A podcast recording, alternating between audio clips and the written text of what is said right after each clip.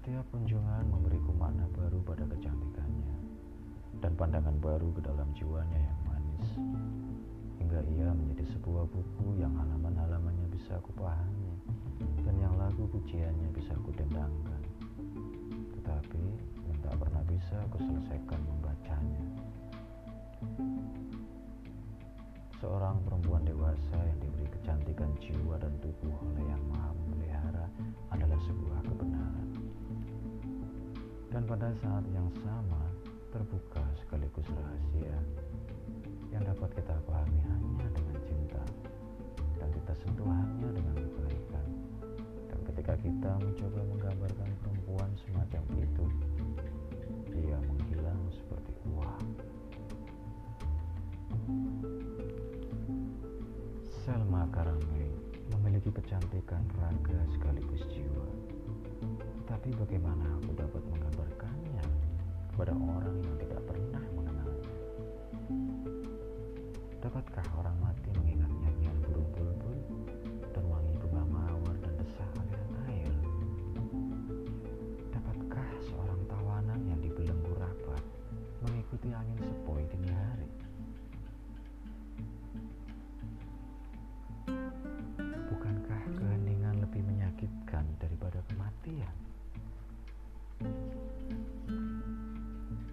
Apakah martabat menghalangiku untuk menggambarkan Salma dengan kata-kata biasa karena aku tidak bisa menggambarkan secara apa adanya dengan warna-warna terang?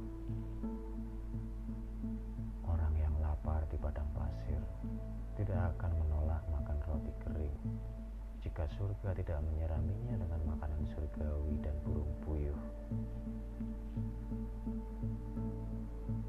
Dalam gaun sutra putihnya, Selma ramping seperti sinar bulan yang masuk lewat jendela. Gadis itu berjalan dengan anggun dan berirama. Suaranya pelan dan manis.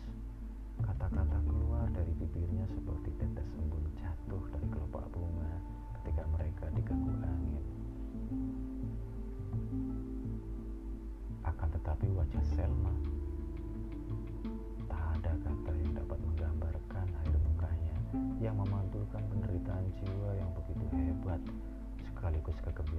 Surgawi yang meluap-luap.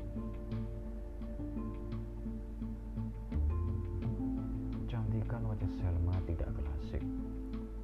Wajah itu seperti sebuah mimpi terkuaknya rahasia yang tidak dapat diukur atau diikat atau ditiru oleh kuas seorang pelukis atau pahat seorang pemahat. Kecantikan Selma bukan terletak pada rambut emasnya, melainkan dalam kebaikan dan kemunian yang melingkupinya.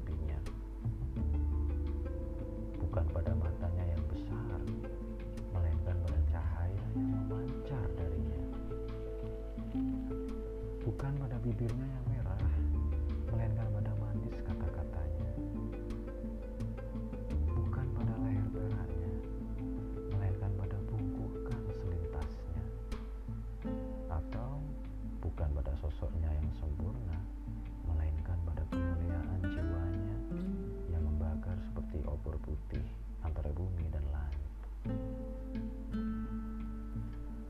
Kecantikannya seperti hadiah puisi. Namun, para penyair adalah orang-orang yang tidak bahagia. Karena seberapapun tinggi pencapaian jiwanya, mereka akan tetap terkurung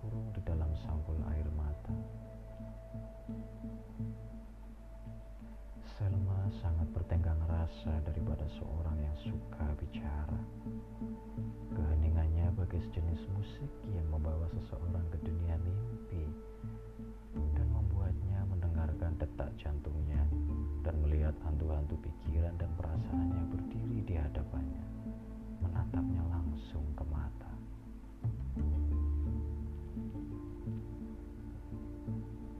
Gadis itu memakai jubah kepedihan mendalam sepanjang hidupnya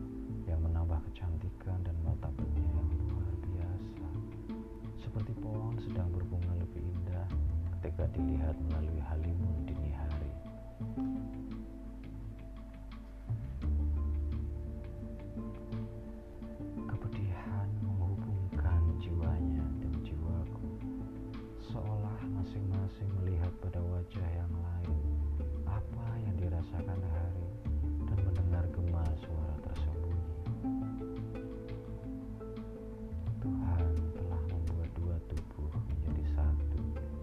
Dan perpisahan hanyalah sebuah penderitaan yang mendalam.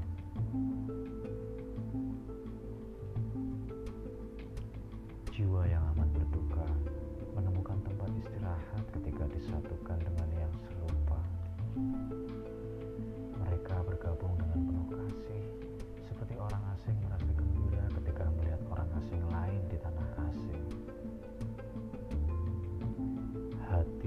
disatukan melalui perantaran kepedihan tidak akan dipisahkan oleh kejayaan kebahagiaan. Cinta yang dibersihkan oleh air mata akan abadi kemurnian dan kecantikannya.